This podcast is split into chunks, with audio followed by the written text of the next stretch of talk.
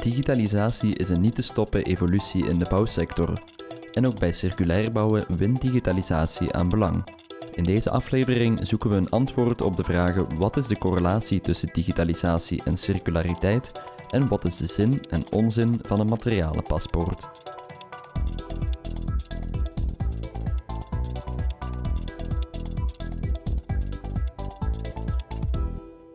Welkom bij de Circubeeld podcast over de correlatie tussen digitalisatie en circulariteit. Om dit onderwerp aan te snijden zitten er drie experts bij ons aan tafel. Ze stellen zichzelf even voor. Ik ben Juri van bouwbedrijf Beneens uit Olen.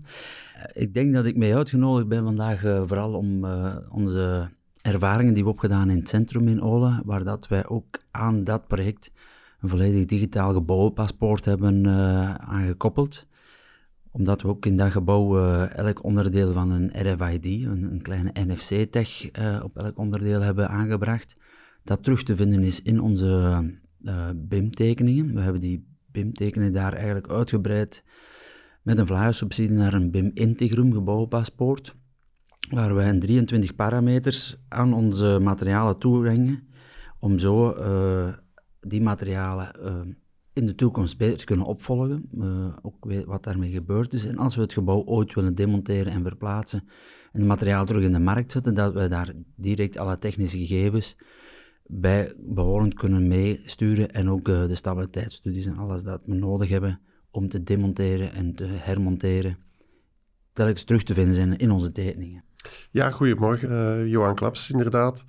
Uh, ik heb het uh, voorrecht gehad om sinds uh, ongeveer een jaar um, het platform van Madaster te mogen introduceren in, in België. Platform dat in Nederland ontwikkeld is, dat daar ongeveer een vijftal jaar bestaat en dat eigenlijk, ja, laten we zeggen, daar een beetje het household paspoort geworden is van, van de markt. En dat eigenlijk begonnen is aan, aan ja, de tocht door Europa. Uh, Duitsland, Zwitserland, Noorwegen, Oostenrijk en, en sinds een jaar dus ook, uh, ook België. Um, er zijn, we komen daar straks denk ik nog wel op terug. Er zijn heel veel systemen uiteraard uh, aanwezig. Het voordeel van Madaster is, ja, je kan dat platform gebruiken eender waar jouw gebouw staat. Of dat dat nu in België staat, in Nederland, of in, of in New York, of in Dubai. in C kan je datzelfde platform overal gebruiken. Wat denk ik een grote troef is in de, de ongelooflijke beweging die bezig is naar meer circulariteit, maar waar je echt een, een gigantisch aantal initiatieven ziet die allemaal hun waarde hebben, maar waar dikwijls heel moeilijk dat, je nog, uh, dat een kat daar jongen nog in terugvindt. Uh, denk ik dat we toch gaan moeten evolueren naar systemen die daar globaal uh, bruikbaar zijn om schaalvoordelen te kunnen creëren. Dat is de enige manier om het ook economisch rendabel te krijgen, denk ik. Ja, ik ben Veronique Korens van uh, Architecture en samen met uh, mijn partner Koen van Grimbergen hebben wij ons bureau twintig jaar geleden opgericht. En um, we zijn actief vooral in uh, kantoorgebouwen, hotels en de residentiële ontwikkelingen. Um, wij zijn um, niet alleen architect, maar ook Madaster Max. de Madaster Max Partnership is een soort ja, dat, dan zijn we een soort ambassadeur, een soort Kennedy uh, voor het uh, materialenpaspoort, wat toch uh, een nieuw gegeven is sinds een aantal jaren. Um, hoe zijn we daarin gestapt? Ja, een aantal jaar geleden hebben wij um, een presentatie gezien van Thomas Rauw, de stichter van Madaster. En um, die man die was zeer inspirerend. En we voelen allemaal aan dat we door de klimaatverandering iets zullen moeten doen. het is gedaan met smossen met materialen. Uh, dus we gaan op een andere manier moeten ontwerpen, een andere manier moeten denken. Um, niet alleen wij als ontwerpen, maar ook uh, de eindklant. Um, en um, we merken dat, dat sowieso van onderuit, de nieuwe generaties, dat die uh, daar sowieso de stuwende kracht in zijn. die die gaan het eisen van ons, uh, of het is over en out uh, op alle vlak. Dus uh, vandaar dat ik um, blij ben om, om vandaag Madaster mee in de picture te zetten. Onze gasten zijn gekend. Als vierde persoon sluit Wouter Polspoel aan. Hij is de host van dienst. Mijn naam is Stef Pennemans, ik sta in voor de productie. Deze podcast werd mede mogelijk gemaakt dankzij Terbigum, Chuco, Gibrox Saint-Gobain en Janssen AG.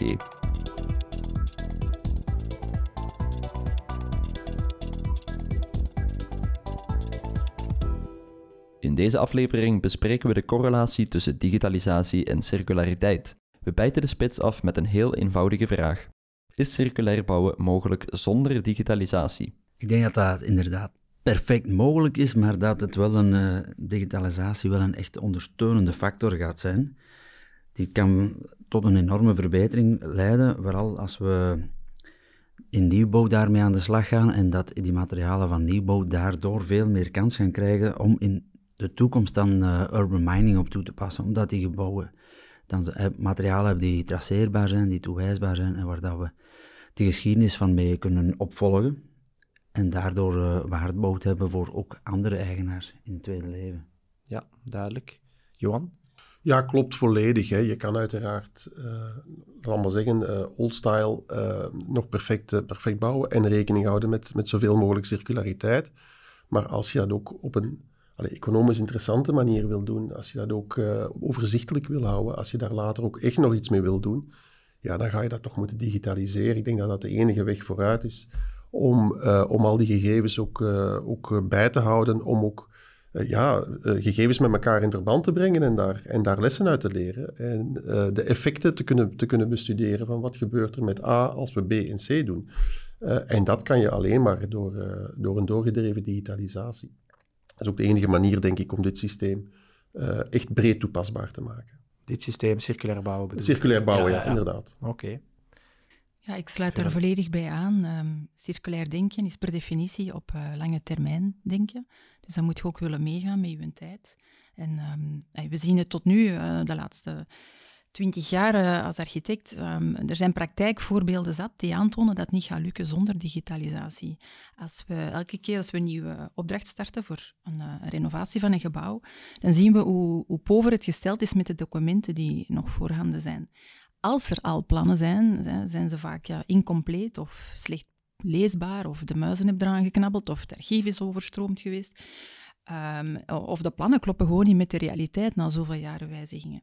En daarbovenop zien we ook dat um, bij elke overdracht van eigenaar naar uh, nieuwe eigenaar, dat er uh, dossiers verloren gaan.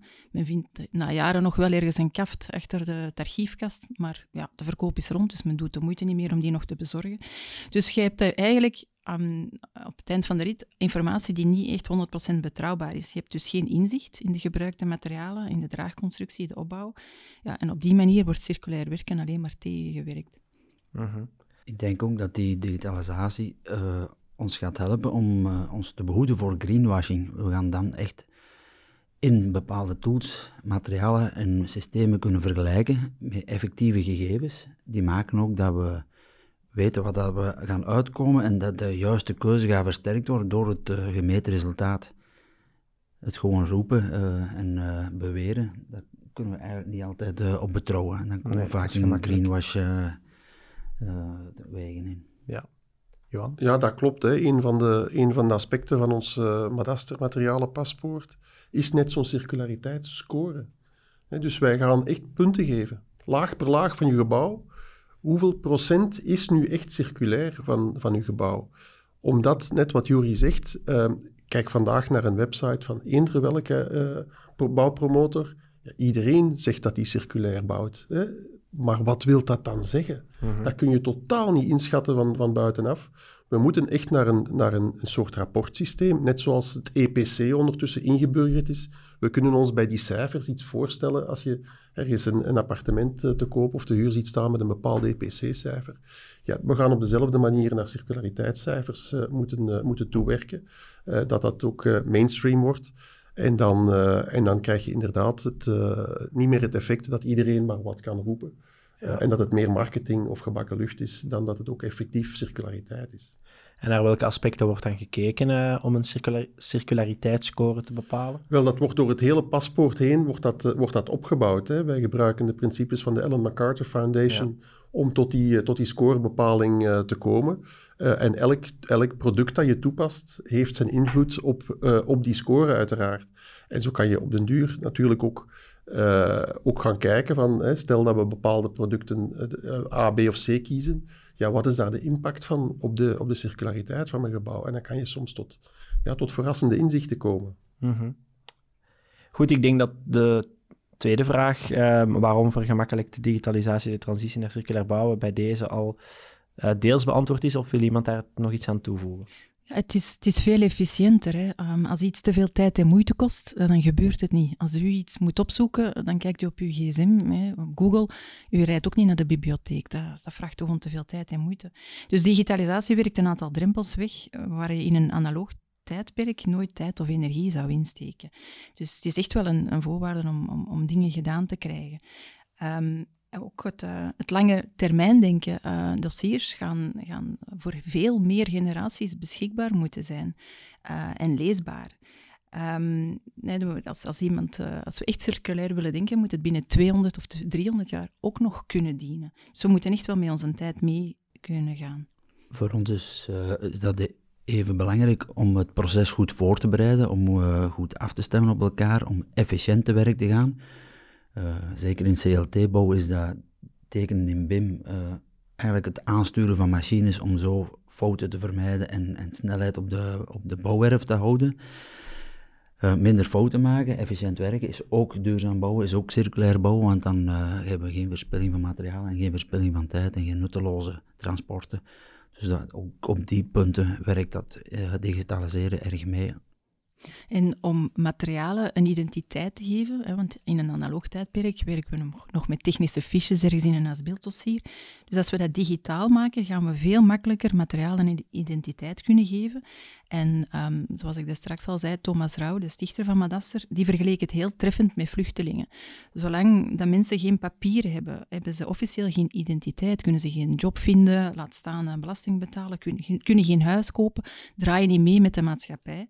En hetzelfde gaat op voor materialen zonder identiteit. Hè. Zolang dat die geen paspoort of identiteit hebben, krijgen ze niet het respect dat ze verdienen.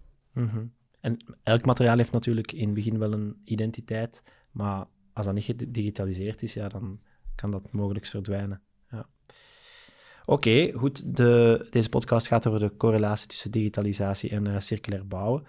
Uh, dus uh, loont het de moeite om eens te gaan kijken naar welke tools er eigenlijk allemaal bestaan in de bouwsector, digitale tools. En de bekendste is volgens mij BIM. Um, hoe belangrijk is BIM voor circulair bouwen? Um, BIM is op dit moment de meest gangbare tool om een gebouw inzichtelijk in 3D op te zetten. Um, maar BIM is niet uitgevonden omdat we ineens maar heel verheven aan ecologie wilden doen. Nee, uh, het feit dat we nu veel efficiënter aan circulair bouwen kunnen doen, is louter een van de positieve consequenties van BIM. Um, maar BIM is, is anno 2022 slechts een blipje op de radar. We gaan van tekenplank naar computer in 2D, naar 3D, naar BIM. En, en wat komt er na BIM? BAM, Building uh, Artificial Intelligence Modeling, waarbij uh, drones uw gebouw van binnen en van buiten komen scannen en gelijk in de metaverse steken. Ik weet het niet. Uh, het is moeilijk te zeggen wat de volgende stap gaat zijn, maar het zou wel goed kunnen dat BIM um, het hele verhaal eh, dat het hele BIM-verhaal de aanleiding gaat geven tot uh, een maatschappelijke revolutie die we vandaag uh, moeilijk kunnen inschatten. Dus ik geef als voorbeeld, um, in 1800 waren veel gebouwen in New York um, zes, zeven verdiepingen en de hoogste, de topfloors, waren de goedkoopste, hè, want je moest veel trappen doen. Dus men heeft dat, daar toen de lift voor uitgevonden om dat op te lossen. Maar op dat moment had niemand kunnen voorspellen dat zoiets banaals als een lift een hele maatschappelijke revolutie zou teweegbrengen. Uh, de uitvinding van de lift gaf aanleiding voor een volledig nieuwe dynamiek, waarbij de skyline van alle wereldsteden voorgoed veranderd is. En um, dat had de, de, uitvinder, meneer Otis, nooit kunnen bedenken. Dus we kunnen vandaag niet goed inschatten hoe BIM de skyline van de bouwwereld gaat veranderen. Um, het zou eigenlijk interessant zijn om daar eens een hackathon uh, op los te laten. Zo een, soort nerdfest voor uh, creatieve, intelligente jonge mensen. Die dan eens uh, samen worden gezet voor minstens 24 uur om eens te bedenken welke gevolgen BIM allemaal zou kunnen hebben. Ik denk dat we van onze stoel zouden vallen als we daar de uitkomst van zouden zien. Ja, ik denk dat het belang van, van BIM op dit moment moeilijk overschat kan, kan worden. Ehm, je, kan, uh, je, je kan een Madaster-paspoort aanmaken met, met nog een Excel. Dat kan nog, hè, want we willen die mogelijkheid ook, uh, ook open houden. Maar je kan er natuurlijk veel, veel minder informatie uithalen dan, uh, dan uit een BIM. en het, ehm, het, het mooie daaraan is dat we het platform dusdanig hebben gemodelleerd dat als je BIM aan een paar minimale kenmerken voldoet, ja, dat het oplaadproces om dat paspoort aan te maken, dat eigenlijk van automatisch geloopt. Hè. Dus uh, met andere woorden, uh, de, de, de, vraag en de opmerking, uh, de eerste vraag die ik altijd krijg is van, ja, maar hoeveel tijd kost het mij om zo'n paspoort aan te maken? Hè? Want iedereen wil wel, en iedereen wil inspanningen doen, maar niemand heeft ook personeel op overschot of tijd op overschot om, uh, uh, om daar uh, veel, veel extra moeite voor te, voor te doen. Um, en dat is, dat is net het, leuke aan ons, aan ons platform. Hè. Dus je moet natuurlijk in, in de beginfase wel een paar technische richtlijnen in, in ogenschouw nemen als je je BIM gaat, gaat opmaken, want er zijn ja, heel veel soorten BIM. Um, maar als dat één keer gebeurd is, ja, dan loopt het proces van dat paspoort eigenlijk automatisch. Hè. Uh, ik ga niet zeggen dat je er helemaal geen werk meer aan hebt, dat is zeker niet waar, maar het gaat, het, het gaat, het gaat eigenlijk automatisch, waardoor dat je dus al die informatie die al in je BIM zit, die je alles verzameld hebt, dat je dat werk niet nog eens gaat moeten doen uh, om, uh, om tot resultaten te komen. En dat is het grote voordeel op dit moment voor, voor BIM. Technisch gezien staan wij klaar om met eender welke opvolger van BIM uiteraard ook te linken, uh, want uh, die technologie die staat uiteraard niet stil en dat zal ons hopelijk nog veel extra uh, mogelijkheden bieden in de toekomst. Ja. Wat is zo... wat, wat ga je nog iets zeggen, Juri? Ja, ik had naast de, de, tools BIM zijn er natuurlijk nog heel wat add-ons en uitbreidingen mhm. mogelijk om die BIM nog te verbeteren. En zo hebben wij zelf BIM Integrum ontwikkeld, zoals ik in de introductie al zei. We hebben dat toen samen gedaan met WCB, het OVAM, uh, de Bouwunie TEN en CAMC. Om daar ook nog te zien hoe kunnen we nu uh, onze BIM-tekening verder gaan gebruiken uh, als het gebouw klaar is. En dat is dan in zo'n gebouwenpaspoort, waar dat we dan naast alle materialen die erin zitten, met hun technische fiches, met hun manier van monteren, demonteren, er ook nog een score wordt meegegeven, een soort circulariteitsscore op het gebouw en op elk onderdeel van die schil. En dat we gekoppeld hebben met unieke NFC-tags aan elk bouwmateriaal, uh, om dan eigenlijk het gebouw mee op te volgen over de jaren heen. En dat we door die combinatie van uh, tools eigenlijk in de toekomst statiegeld gaan kunnen beloven aan onze bouwmaterialen. Ook als het gedemonteerd is en we hebben die ergens uh, opgestapeld liggen, kunnen we nog altijd door het materiaal in te scannen alle gegevens van dat onderdeel te weten komen. Uh, naast uh, alles rond BIM vind ik dat uh, een heel belangrijke tool rond digitalisatie uh, ook de gebouwenbeheersystemen zijn, de, de GBS'en. En daarin hebben wij ook een heel mooie toepassing gemaakt samen met Calculus om heel het gebouw uit te rusten met sensoren die dan meten of dat er aanwezigheid is, temperatuur, ehm, de vochtigheid en ook de CO2 in een gebouw, om zo eigenlijk met een platform waar dat via een script elke ventiel uh, in het gebouw uh, en elke pomp van het gebouw wordt aangestuurd om naar een ideaal binnenklimaat te gaan. Maar door dat script continu te verbeteren en daar twee jaar mee betrokken te blijven, gaan we daar naar een ongelooflijk laag verbruik per vierkant meter in een gebouw gaan. Wat natuurlijk ook een grote bijdrage is rond het circulair bouwen. Als we het gebouw bijna energie-neutraal kunnen krijgen, ja, dan hebben we ook een, een de milieu-impact erg verlaagd. En ik denk dat daar nog een hele revolutie te doen is om daar op een slimmere manier mee om te gaan. Ja. Johan, hoe moeten we ons zo'n materialenpaspoort eigenlijk concreet voorstellen? Want ik hoor inderdaad altijd, dat is veel uitgebreider dan de info die je terugvindt in BIM.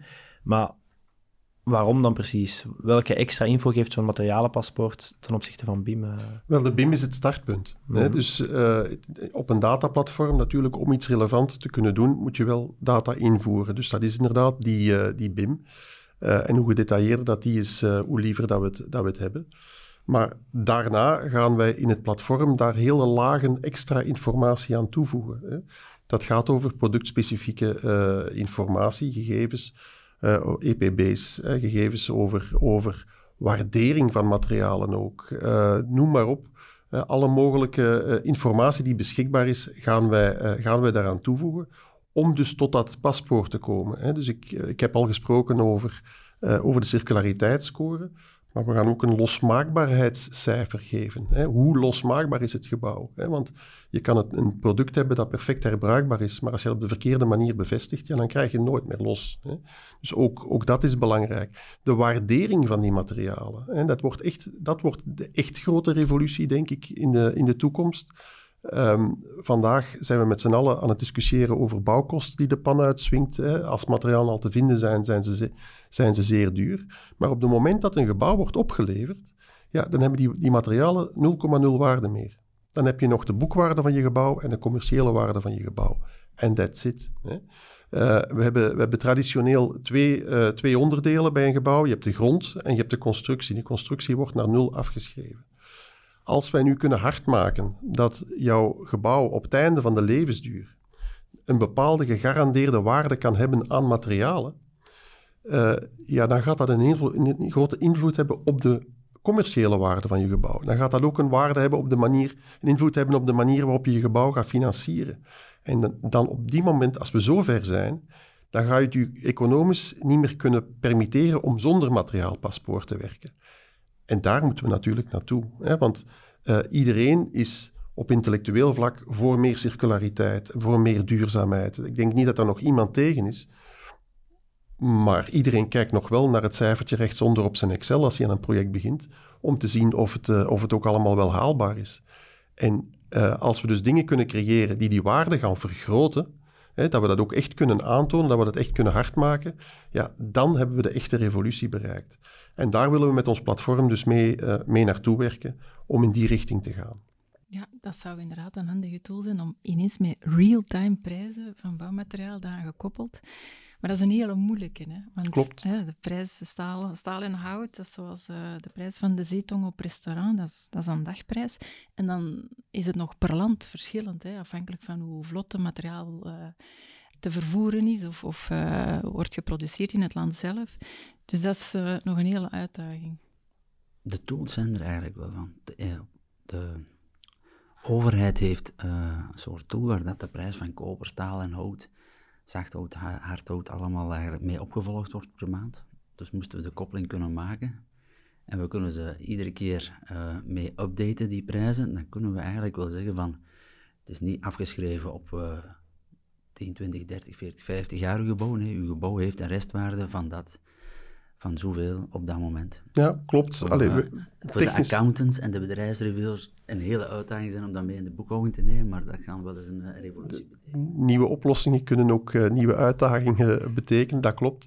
Nu, allee, technisch gezien kan ons platform met eender welke database linken. Dus er is geen enkel bezwaar om, om dat te doen. Je moet natuurlijk ja, je moet, je moet de toestemming hebben en de mogelijkheid om, uh, om dat te doen. Dus wij zijn continu op zoek naar data. Of dat nu gaat over productinformatie, of dat gaat over financiële waarde, of dat gaat, dat gaat over, uh, over andere dingen.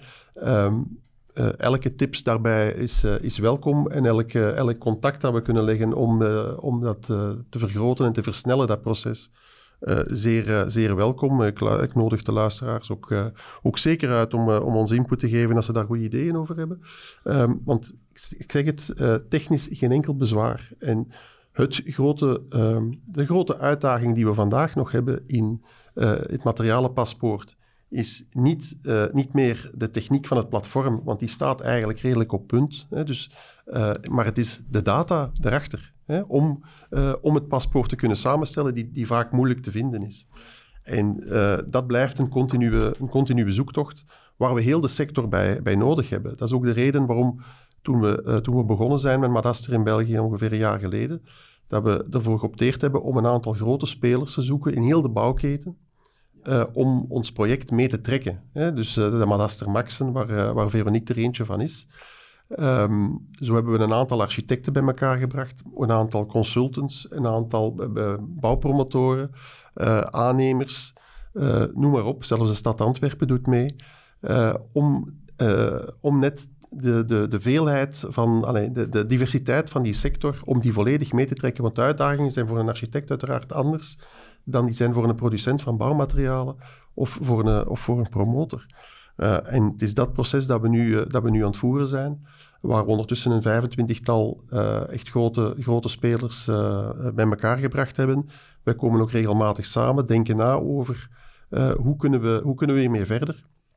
En hopen dan binnen een relatief korte termijn ook gewoon, ik zal zeggen, naar het grote publiek open te gaan met het platform waarbij iedereen kan aansluiten, ook zeer laagdrempelig. Ja, dus die Madaster Max-partners die testen eigenlijk nu... Um, het platform, ja, het werkt al wel, maar zij ehm, laden gebouwen op en zien dan waar ze nog tegenaan lopen. Voilà. Zitten dan samen met jullie en jullie doen de nodige Voilà. aanpassingen waar nodig. Kijk, met zo'n platform werken, ik- ik vergelijk dat altijd een beetje met fietsen. Hè. Iedereen van ons kan fietsen, maar toen je het de eerste keer deed, had je blauwe plekken en een kapotte knie. Hè. Ehm, dus dat is even wennen, dat is even leren werken. Waarom ook? Omdat als je begint met zo'n platform, ja, dan neem je natuurlijk een project uit de kast dat eigenlijk al klaar is. Hè. Waarbij je dus bij het start geen rekening gehouden hebt met die paar technische voorschriften die wij, die wij wel vragen, waardoor dat je daar nog wel wat werk aan hebt om dat allemaal terug te gaan, te gaan rechtzetten. Dus dat is een soort van leerproces, eh, om dan ook eh u nu volgende projecten daar, eh, daar wel rekening mee te kunnen houden.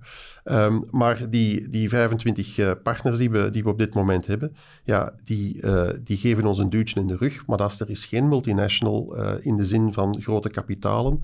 Uh, Madaster is in Nederland vijf jaar geleden ontstaan, eigenlijk als project van Thomas Rauw, de architect.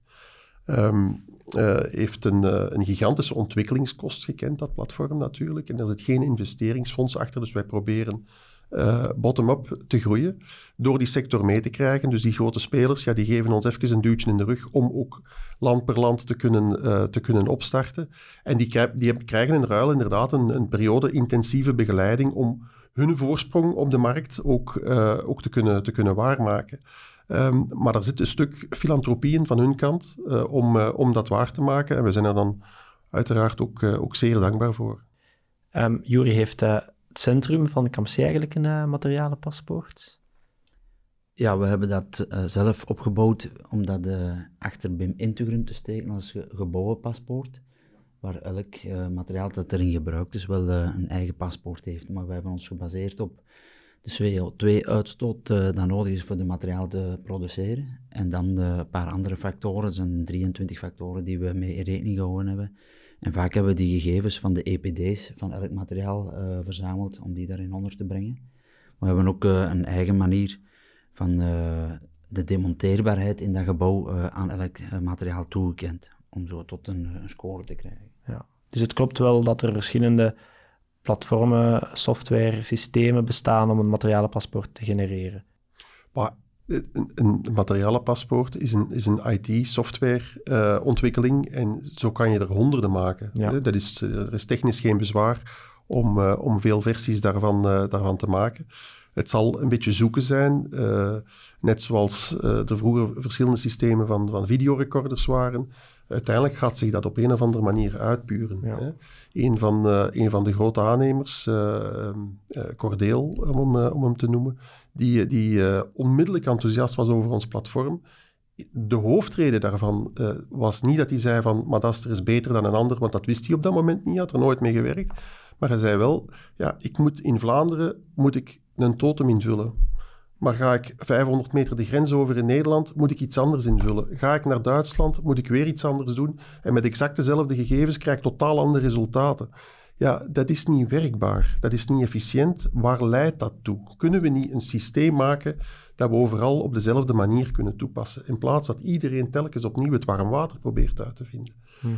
En dat is denk ik wel een troef die, die Madaster heeft, omdat ze er ja, wel, denk ik, als eerste eh, mee bezig waren. Thomas Rauw is de absolute, eh, absolute leider eh, geweest op dat vlak. Ehm, dat we zien dat dat in Nederland dat ondertussen uitgepuurd is. Hè. Men heeft daar vijf jaar lang ontwikkeld en, en dat stopt uiteraard niet, want je blijft doorontwikkelen.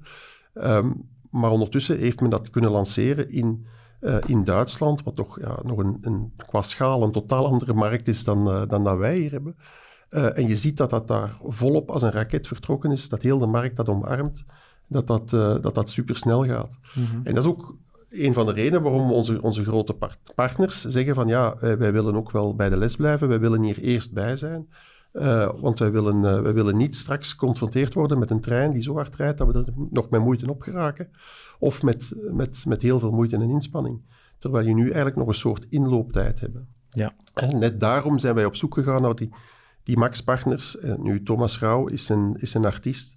Die heeft daar een kap op gezet. Die zegt, je moet, je moet dat, dat netwerk ook niet te groot maken. Maximum 33. Nu zitten we vandaag aan 25. Dus uh, we hebben nog een paar plaatjes, maar het zijn er echt niet veel. Nee, nee, nee. Maar dat zijn dan plaatjes voor die Max-partners. Voor die Max-partners, ja. ja. Uiteraard, de bedoeling van Madaster is, er staat ook een, een stichting boven Madaster, die echt erop toeziet dat, ehm, dat wat wij doen, dat dat geen, uh, geen geldmachine mag worden. Dit is niet bedoeld als een product om, uh, om, uh, om voor, de, voor de happy few tegen zeer dure kost te, kunnen, te kunnen functioneren. Het ideaal is dat elk gebouw dat daar een paspoort van wordt aangemaakt. Daarvoor moet je laagdrempelig werken. En dat gaan we dus binnenkort ook doen. Hè. Alleen om laagdrempelig te kunnen werken, heb je een fonds nodig. Om een organisatie op poten te zetten die, uh, die er ook staat, waardoor dat, dat platform ook blijft bestaan. Hè? Want hoeveel software-initiatieven zijn er in het verleden al geweest die na een paar jaar uh, door een faillissement wegvallen? Ik denk dat we met Madaster ondertussen de garantie kunnen geven dat dat niet gebeurt. Hè? De organisatie in Nederland staat stevig. Uh, in, in België hebben we dankzij onze partners ook een goede, een goede start, waardoor dat we echt kunnen zeggen, van, we hebben een stevige organisatie hier en dat gaat, dat gaat niet wegvallen. Um, en binnenkort uh, gaat, uh, gaat iedereen voor zeer beperkte bedragen een licentie kunnen nemen en met het platform aan de slag kunnen gaan. Ja, we voelen ook wel dat vandaag dat uh, iedereen een beetje aan het zoeken is in welke richting gaat het naartoe. Want we weten het, het EPB-pijl met een EPB-software, dat is nu gedragen, maar we, iedereen voelt aan dat dat M-pijl er op ons afkomt. En op welke manier dat we dat M-pijl moeten, moeten gaan ja, gaan vastleggen. Daar is OVAM en TWITO en het WCB en de Confederatie en de boven die allemaal achteraan het zoeken om daar één gedragen tool naar voren te schuiven. Maar daar zijn we nog echt nog ver af. Uh, Totem is natuurlijk vandaag uh, iets dat naar voren geschoven wordt vanuit de overheid, waar heel veel uh, onderzoek momenteel naartoe gaat. we hebben het centrum daar ook een keer in uitgerekend. Maar anderzijds is de manier waarop vandaag LCA-analyses gemaakt worden, uh, ook een, een, een, berekeningsmethode die redelijk complex is, die we zeker ook niet voor ieder gebouw opnieuw kunnen doen. Maar ook dat hebben we eens een keer voor het centrum vergelijken. En dan kunnen we wel zien dat die, die resultaten vandaag uh, uiteenlopend zijn, verschillend zijn. Uh, we weten dat we 900.000 kilogram CO2 kunnen besparen, bespaard hebben in dat gebouw. Maar die resultaten zijn uit al die tools niet hetzelfde, hè, omdat die, die, die visie en hoe dat we dat moeten opbouwen ook heel verschillend zijn. Dus we kijken uit, maar er zal inderdaad hopelijk uiteindelijk één belangrijk iets naar boven komen drijven, waar dat iedereen zegt van daar gaan we nu mee allemaal mee verder, zodat we alles naast elkaar kunnen vergelijken, dat die, die resultaten die eruit komen vergelijkbaarder zijn. Hè? Absoluut. Ja. Um, we hebben het nu gehad over BIM en over materialenpaspoorten, maar zijn er eigenlijk nog andere digitale tools, behalve die twee, en dan spreek ik dus eh, alle software die gemaakt is voor materialenpaspoorten te maken, Um, zijn er nog andere digitale tools die belangrijk zijn voor circulair bouwen buiten BIM en software voor materialenpaspoorten? Ja, um, dat heeft dan niks te maken met materialenpaspoorten, maar um, we zien ook de CDE's, hè, de Common uh, Data Environments. Dat is ook iets van de laatste jaren. Dus dat is een document- en man uh, datamanagement opslaglocatie uh, met een specifiek protocol, eigen aan de opdracht en waar alle betrokken partijen toegang toe hebben. Dus je werkt als architect samen met ingenieur techniek, stabiliteit, akoestiek, eh, brandspecialist, etc. op één central file, dus één grote totaaltekening die ergens geparkeerd staat in de cloud. En dat is een totaal ander gegeven dan het, uh, het oude systeem, waarbij architecten hun ontwerp op hun computer hadden staan en slechts um, heel beperkt inzage gaven aan de andere partijen. En waarom deed men dat? Uh, omwille van intellectuele eigendomsrechten.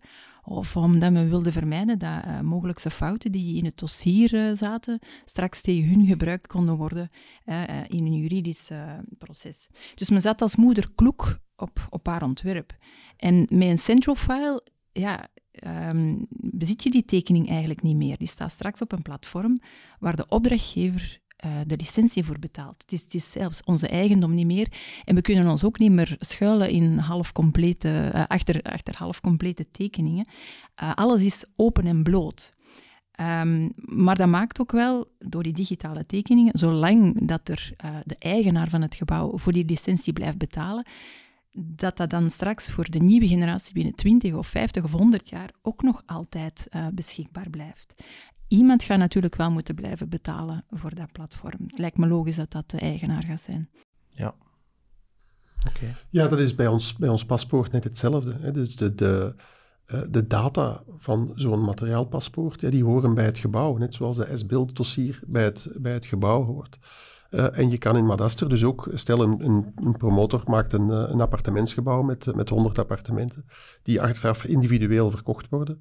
Hij kan dus het paspoort van dat individuele appartement overdragen op het platform op een eigen account van de, van de, van de eigenaar.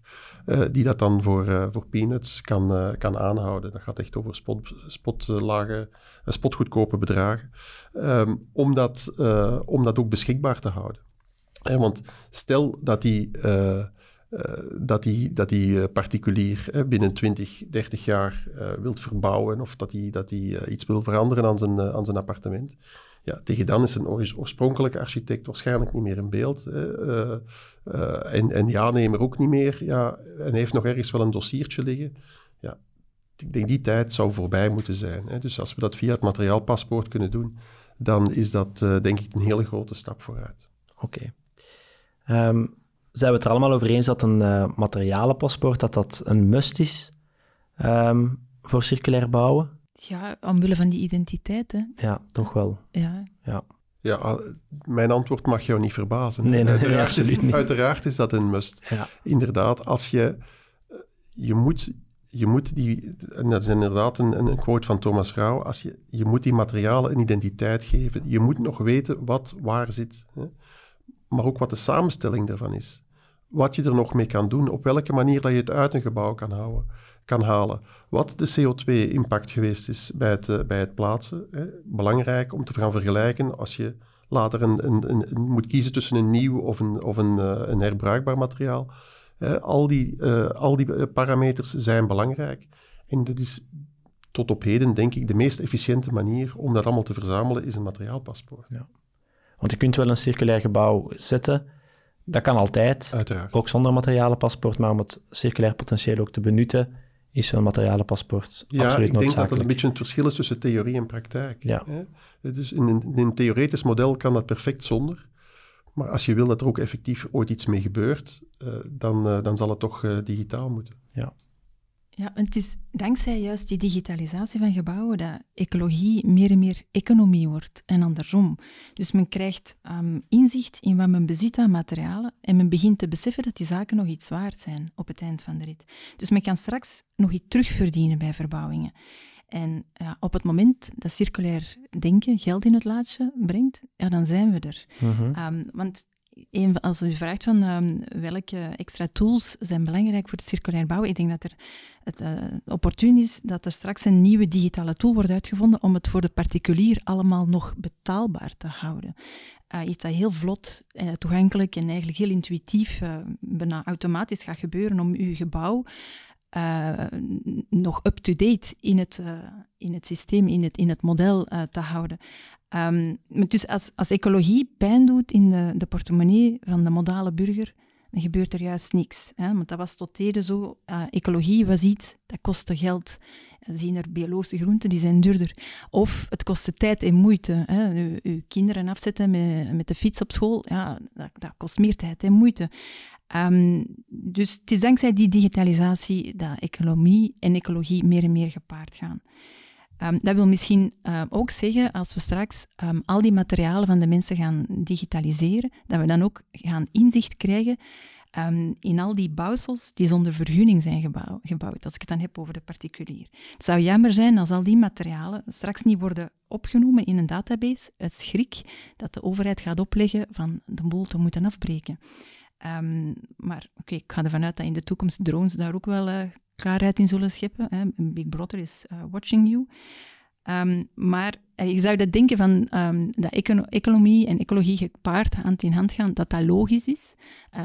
maar dat is niet zo evident. tot heden, tot, tot heel recent, merkten we dat voor kantoorgebouwen dat het bijna de norm was. Um, de architectenbureaus de boel afbraken tot ground zero en vandaar terug optrokken. We hebben vier jaar geleden nog een wedstrijd gewonnen tegen twee uh, internationale grote bureaus. Dat was uh, David Goliath. Um, David wint dan, maar we waren de enige partij die ervoor kozen om het skelet te behouden Um, Oké, strippen tot, tot waar dat we nog konden. En, en dan daarop een, een optopping te voorzien in CLT. Dus we kregen meer vierkante meters erin. En onze klant won, won, tijd en geld. Dus dat is, voor die fundmanagers was het helemaal uh, geen moeilijke keuze om voor welk uh, bureau te kiezen. Maar ik begrijp het nog altijd niet waarom dat de anderen zo ineens um, resoluut voor uh, tabula rasa kozen. Ik, uh, ik snap zeker dat de, de restwaarde ehm, een rol speelt en dat dus het materialenpaspoort daarom economisch interessant kan zijn. Maar ehm, is dat ook zo voor een architect? Want een materialenpaspoort opstellen, dat kost toch een beetje tijd, denk ik. Hoe verdient een architect die investering terug? Um, momenteel um, is het, uh, het feit ja, dat we Madaster Max en direct toegang hebben tot het, uh, het, pas, uh, het materialenpaspoortplatform. Voor ons biedt dat momenteel wel um, een commerciël voordeel, een concurrentieel voordeel. Um, maar het is inderdaad een, een, het vraagt wel een investering. En heb ik het niet over het Madaster Max Partnership. Maar um, het hele BIM-verhaal uh, en uh, de Central File, de hele koppeling, het vraagt een investering. De tekenprogramma's zijn vaak duurder, want je moet compatibel zijn met de andere partners. Um, je hebt meerdere licenties nodig voor elk lid van je team. En het vraagt ook veel meer tijd en energie om elk onderdeel van je gebouw in het model intelligent te maken.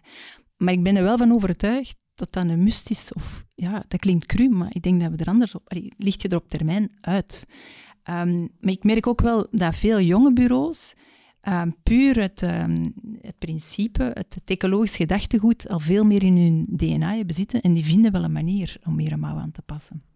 Ja, want is de hele digitalisatie die klaarblijkelijk wel nodig is om circulair bouwen echt uh, op te schalen, is dat wel een haalbare kaart voor een klein bureau, een klein uh, ontwerpbureau. Ja, opnieuw, um, het niet doen is, is, is geen, optie. Geen optie. Uh, je moet eigenlijk meegaan met je tijd. Ja. ja, ik denk dat dat klopt. Hè. Um, ik denk dat de, de vraag nu uh, misschien inderdaad nog is van, van uh, is dit al iets voor ons? Hè? Uh, kunnen wij als organisatie dit, dit al aan? Um, ik zie bij, um, bij andere partijen uh, de reflex die, die Veronique net geeft van hey, we gaan dit toch moeten doen. Hè?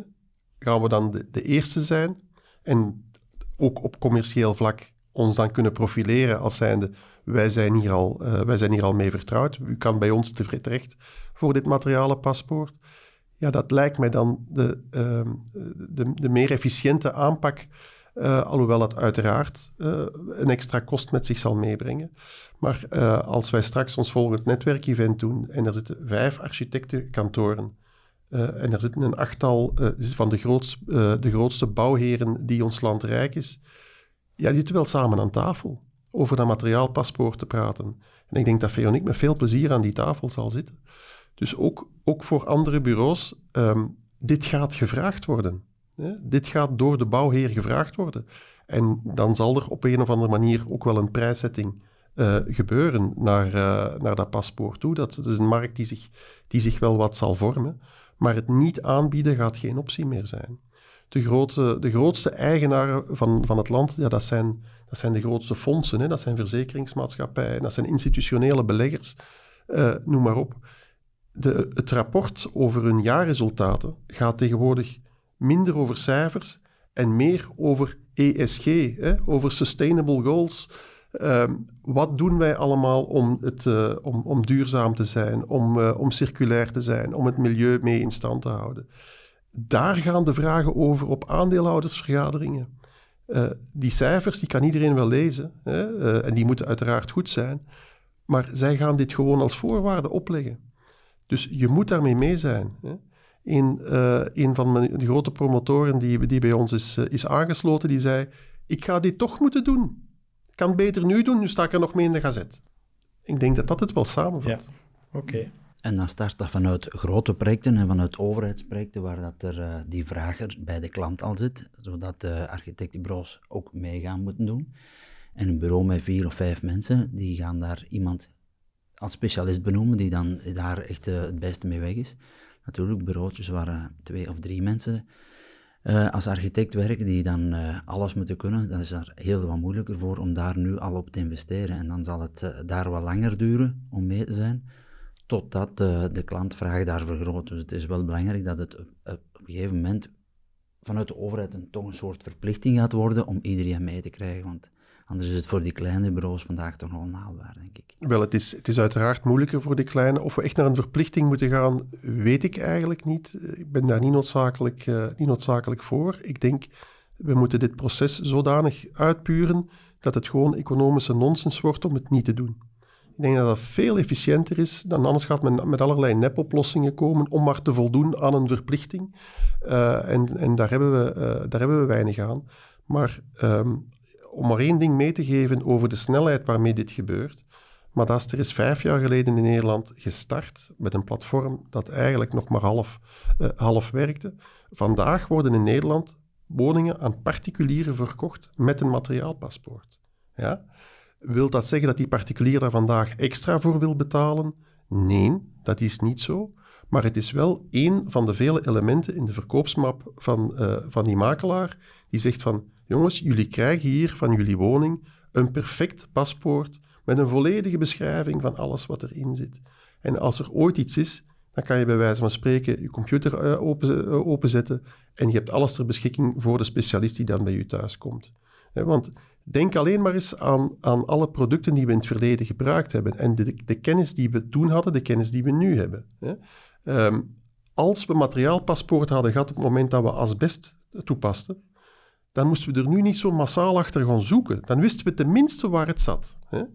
En ik ben ervan overtuigd dat binnen 10 of 20 of 30 jaar dat we tot de constatatie komen dat een product dat we vandaag zeer dagdagelijks gebruiken, dat dat eigenlijk ook een heel slecht idee was. Het nieuwe asbest. Het nieuwe asbest. Ja. Uh, dat komt eraan. De vraag is wanneer. En ik, uh, ik heb geen glazen bol, maar dat het eraan komt, dat lijkt mij, dat lijkt mij een evidentie. Je hebt nu een hele PFOS-discussie, daar hebben we vroeger ons ook nooit vragen bij gesteld. Nu wel. Als we op dat moment weten waar het zit, hoeveel ervan gebruikt is, op welke manier dat, dat in een gebouw toegepast is, ja, dan is de oplossing alleszins veel goedkoper dan dat je alles moet gaan beginnen scannen op dat moment. Ja, het voordenken in plaats van het nadenken, zou Thomas Rauw zeggen. Ja, oké. Okay. Um, Juri, jij zei daar straks dat jij denkt dat we uiteindelijk naar één platform gaan evolueren um, voor materiaalpaspoorten, als ik het goed begrepen heb. Uh, een dat is een, een, een, stille wens, maar uh, okay. dat het zo zal zijn, dat ja. weten we natuurlijk niet. Want dus, ik heb daar straks niet echt een antwoord gekregen op mijn vraag, denk ik, welke platformen er vandaag allemaal bestaan buiten Madaster, want Madaster is natuurlijk het bekendste om het materiaalpaspoort te maken, maar welke andere platformen bestaan er nog? Ja, ik, ik ga daar niet volledig kunnen zijn, nee. maar uh, ja, de, die tools zoals die al vernoemd zijn, uh, die LCA-analyse. Ja, uh, Totem bijvoorbeeld. Ja. hetgeen dat we zelf voor ons, ons eigen gebruik gemaakt hebben met BIM Integrum, die dingen ja. zijn er, maar ja, Madaster is daar vandaag toch de bekendste, denk ik. Ja. en dat is denk ik misschien nog enkele die, die we vergeten. Ik weet niet of dat er zelf nog iets Nee, maar er zijn, er, zijn, er zijn 101 initiatieven en, en, en um, uh, Flyo publiceert regelmatig ook oproepen, uh, subsidieoproepen voor, voor projecten uh, om, om, om dingen uit te werken. Vlaanderen Circulair is er natuurlijk heel, heel hard mee bezig. Um, en, en, je hebt heel veel, heel veel initiatieven die deelaspecten doen. Hè. Je hebt dingen die op CO2 focussen, dingen die op andere dingen focussen. Ik denk dat de grote uitdaging is van dit werkbaar te houden. En dan moet je naar een, een soort van algemeen platform waar je al die informatie op kan, uh, op kan samenbrengen. Um, waar je zelfs als je, als, je, uh, als je berekeningen maakt op een ander platform, dat je dat kan koppelen, zodanig dat dat rechtstreeks doorstroomt, om het proces beheersbaar, makkelijk en goedkoop te houden. Want anders ga je op den duur zitten met, met 17 licenties die je, moet, die je moet hebben als architect of als aannemer.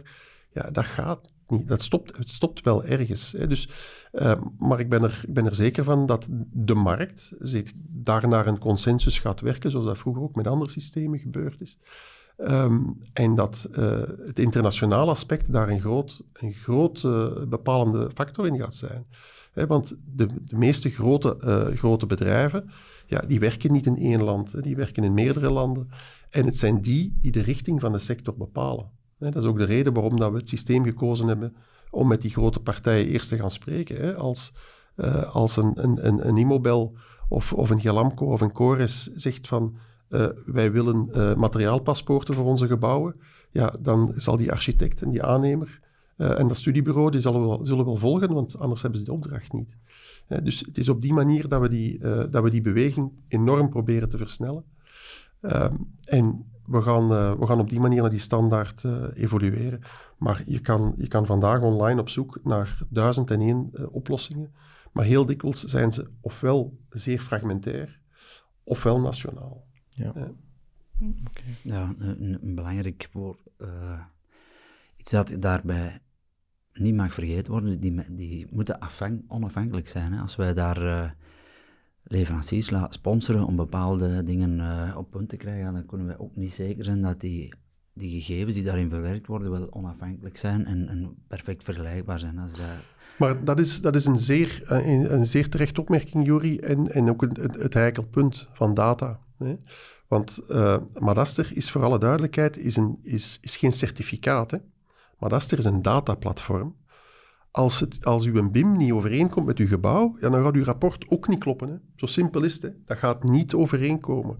Dus met andere woorden, als jij, dat, als jij dat rapport ook extern wilt gebruiken, dan zult jij een onafhankelijke consultant moeten zoeken die dat voor u certificeert. Die zijn er ondertussen, hè. Dat, is, dat is geen probleem. Maar wij zelf, Madaster, levert het dataplatform. En op dat dataplatform, ja, dat de data die je daar zelf invoert, dat die al dan niet klopt, dat kunnen wij zelfs niet controleren. Wij gaan niet naast u staan als je een werf aan het, aan afwerken bent. Dus met andere woorden, er is een, een, een zeer grote rol weggelegd voor, uh, voor consultants die dat dan gaan, gaan certificeren, zoals dat ondertussen in, Nederland al, eigenlijk al, al standaard is. En door dat te certificeren levert dat dan ook punten op voor BREEAM en andere certificaten die, uh, uh, die, vandaag, uh, die vandaag relevant zijn. maar de correctheid van die data is absoluut een, is, is een, zeer terechte bezorgdheid. Om nu terug op te pikken op um, van welk systeem is het? Is, is, zijn er mhm. nog? En, en, ja, sinds we Madaster Max zijn, krijgen we regelmatig telefoons uh, van, van grote spelers die vragen: En is, is Madaster nu het uh, systeem dat gaat doorbreken? Ja, ik weet dat niet. Um, dat is moeilijk te voorspellen. Maar um, wij zelf hebben ervoor gekozen om, om dat, uh, de stichter van heel dat materiale paspoort, Thomas Rauw. Hè. Ja, daaruit is Madaster het voortgevloeid en dan is dat voor mij ook het meest geloofwaardige. Misschien heeft hij zijn mosterd ook wel ergens gehad, mhm. dat zal, zou goed kunnen. Maar eigenlijk maakt het niet uit welk systeem. We merken, in, uh, er is nog Upcyclea uh, in het Franstalig gedeelte van België. En, um, en, en, ja, maar er zijn er inderdaad, zoals Johan zegt, uh, honderden, misschien wel meer. Um, op zich is dat een goede zaak. Dat toont aan dat de maatschappij snapt dat er iets moet gebeuren. Maar ze moeten wel compatibel zijn met elkaar. Uh, we willen vermijden dat, dat iedereen weer voor zijn eigen deur keert en, en claimt uh, degene te zijn die gaat doorbreken. Hè. Zoals uh, de oplaadkabels van, uh, van uw gsm bijvoorbeeld. Er komt straks één universeel systeem. Maar hoeveel onbruikbare kabels hebben we nu in, in onze schuif niet liggen? En nee, het universeel systeem zal niet die van de iPhone worden. het zal een andere worden. Maar dus die fout mogen we niet opnieuw maken. Hè, want er, gaat, moet de natuur alleen maar de dupe van zijn op welke termijn denken jullie dat uh, circulair bouwen ingeburgerd zal zijn? Dat dat echt een norm is? Ja, uh, circulair denken is nog niet mainstream, maar het komt wel meer en meer in stroomversnelling. Uh, het is ook sinds de laatste jaren dat we geen hoofdstuk afbraak meer in ons lastenboeken voorzien, maar we noemen het demontage. En ook bij het ontwerp van een gebouw houden we, houden we rekening met de, de demonteerbaarheid van de onderdelen, zoals um, Jury ook al aanhaalde. En dat is een nieuw gegeven. Dat vraagt ook wel dat de andere partners, hè, zoals ingenieur stabiliteit, dat die anders mee willen, mee moeten anders denken. Um, bijvoorbeeld, ja, ik nu, we zitten met een gebouw waar dat we een volledig nieuwe kopgevel uh, met tussenvloeren in, insteken. Normaal rekent een ingenieur um, uh, op, op, op die, die gordijngevel uh, om die tussenvloeren te kunnen dragen. Nu vragen we ze alle twee onafhankelijk van elkaar te voorzien, dat ze op een ander tijdstip kunnen gedemonteerd worden. Dus dat maakt dat het uh, iets complexer is. Ook heel weinig natte verbindingen. we proberen zo droog mogelijk te werken omwille van die demonteerbaarheid. dus dat betekent anders gaan denken. Um, en we zien, zoals ik er straks al zei, vanuit de jonge generatie, met generatie Z op kop, dat men het echt niet meer um, pikt, dat onze generatie maar blijft smossen met grondstoffen. Dat is over en out. Um, dus er gaat echt wel uh, een, een, hele shift zijn. Ja. En het, doel van, van, van zo'n materialenpaspoort is, uh, is eigenlijk om, om de cirkel rond te maken. dus uh, van ontwerp naar uitvoering, tezamen met de update van het model en het paspoort, zodanig dat dat betrouwbaar is en terug klaar staat voor het, het volgende rondje renoveren. Ja. Oké, dus als ik het zo hoor, dan zijn je wel redelijk positief toch dat we binnen afzienbare tijd um, enkel nog circulair of doorgedreven circulair zullen bouwen. Want ik heb nu eigenlijk nog, nog niet echt een concreet antwoord gekregen op de vraag wanneer, wat is de termijn waarop je denkt... Ja, die is volop bezig, hè. Ja. Wanneer... Uh, is moeilijk te zeggen. Ja, het vraagt ook heel veel discipline. Mm En um, dat is... Ja, je raakt zomaar niet aan de bakstenen van de Belgen. Um, als, als je twintig jaar lang kleine verbouwingen doet aan een gebouw, heb je na twintig jaar een ander gebouw. Maar wie, hoe gaan we die, die discipline aan de dag leggen? Dat elke wijziging, ook klein ook, up-to-date in een model wordt gehouden. En, en uh, dus dat is, dat is echt een, bijna de DNA van de Belg veranderen. Ja. Um, dus concreet kunnen we daar niet op, op antwoorden. Het is volop bezig. Het is een work in mhm. progress. Ja, en ik denk wel dat we geholpen worden met de huidige warmte bijvoorbeeld, de droogte. Dat drukt mij alleszins wel met de neus op de feiten. Uh de alarmbellen van moeder natuur hebben nog nooit zo luid geslagen. Absoluut. We hebben heel lang verwittingen van alle wetenschappers gekregen, zijn daar niet op ingegaan of niet op de nodige, met de nodige dringendheid. Vandaag worden we gewoon met de neus op de feiten geduwd en uh, ja, het is langs onderuit dat we nu gaan gepusht worden. En ondernemers, die zijn snel, die kunnen heel snel schakelen en die staan paraat met heel mooie systemen, zowel in hout als in beton als in allemaal andere materialen, om heel, uh, met een veel lagere milieu-impact te werken. Alleen zijn die vaak vandaag nog een klein beetje duurder en moet daar... Uh, maar dat is ook al niet helemaal het geval meer met al de stijgingen van, uh, van de belasting op CO2 bijvoorbeeld die eraan komen. En het gaat dan over de initiële kostprijs en niet de Ja, en als we dan uh, daar eigenlijk door een andere bril gaan kijken, dan denk ik dat het heel snel kan gaan. Ja, oké. Maar ook jij kunt geen jaartal noemen, uh, Jury. Wij zijn vandaag circulair aan het bouwen en ik uh, heb bestellingen voor morgen circulair te bouwen. Dus, dus wij, zijn bezig. Aan beneden zal het niet liggen. Maar uh, ik zou graag nog meer klanten hebben die allemaal die kaart volledig trekken. Ja, oké. Johan? Ja, dat is, dat is zo. Je kan daar natuurlijk geen jaartal op plakken, want dan gaat je mij binnen zoveel jaar bellen en zeggen van we zijn er nog niet helemaal. Um, je 100% is, is altijd iets waar je naar moet streven. Uh, dat zullen we niet snel bereiken. Hè. Er zal altijd wel iemand zijn die zijn achterbouw uh, zet, zelfs zonder vergunning en dus ook zonder, uh, zonder registratie van eender wat. Maar de, de evolutie gaat wel razendsnel. Dat zien we aan, aan alles. Um, zoals ik dat straks zei, in Nederland worden vandaag al particuliere woningen met, uh, met paspoort verkocht. Zijn dat, uh, is dat een groot aantal woningen op de volledige nieuwbouw in Nederland? Nee, daar zijn we vandaag nog niet. Maar het feit dat het er, dat het er is, is wel zeer hoopgevend en, en gaat voor allerlei versnellingen zorgen. Um, als, als, uh, als de grote promotoren morgen zeggen van kijk, wij gaan vanaf nu in, in, elk project dat we zetten, gaan we materiaalpaspoorten toepassen, ja, dan gaat dat vanzelf doorcijpelen. Uh, en de particuliere markt is altijd de laatste om, om de, de, de echte de vernieuwingen um, uh, te omarmen. Dus dat zal ietsjes langer duren. Maar als je ziet naar de bulk van bouwprojecten, ja, die wordt door, door professionelen gedaan. Als we die al allemaal mee hebben binnen een paar jaar, ja, dan hebben we al een heel groot stuk van de markt gecoverd. We zijn aan het einde beland van deze podcast. Hopelijk heeft u ervan genoten. Bedankt aan Jurie Beneens, Veronique Orens en Johan Klaps Wouter Polspoel was de host van dienst en mijn naam is Stef Pennemans. Ik sta in voor de productie van deze podcast. Ten slotte nog bedankt aan Derbigum, Chuco, Gibrox Saint-Gobain en Janssen AG voor het mede mogelijk maken van deze aflevering. Vond je deze podcast boeiend? Luister dan zeker ook naar onze andere afleveringen, zoals Wat is de kostprijs van circulair bouwen? Bedankt voor het luisteren en tot horens.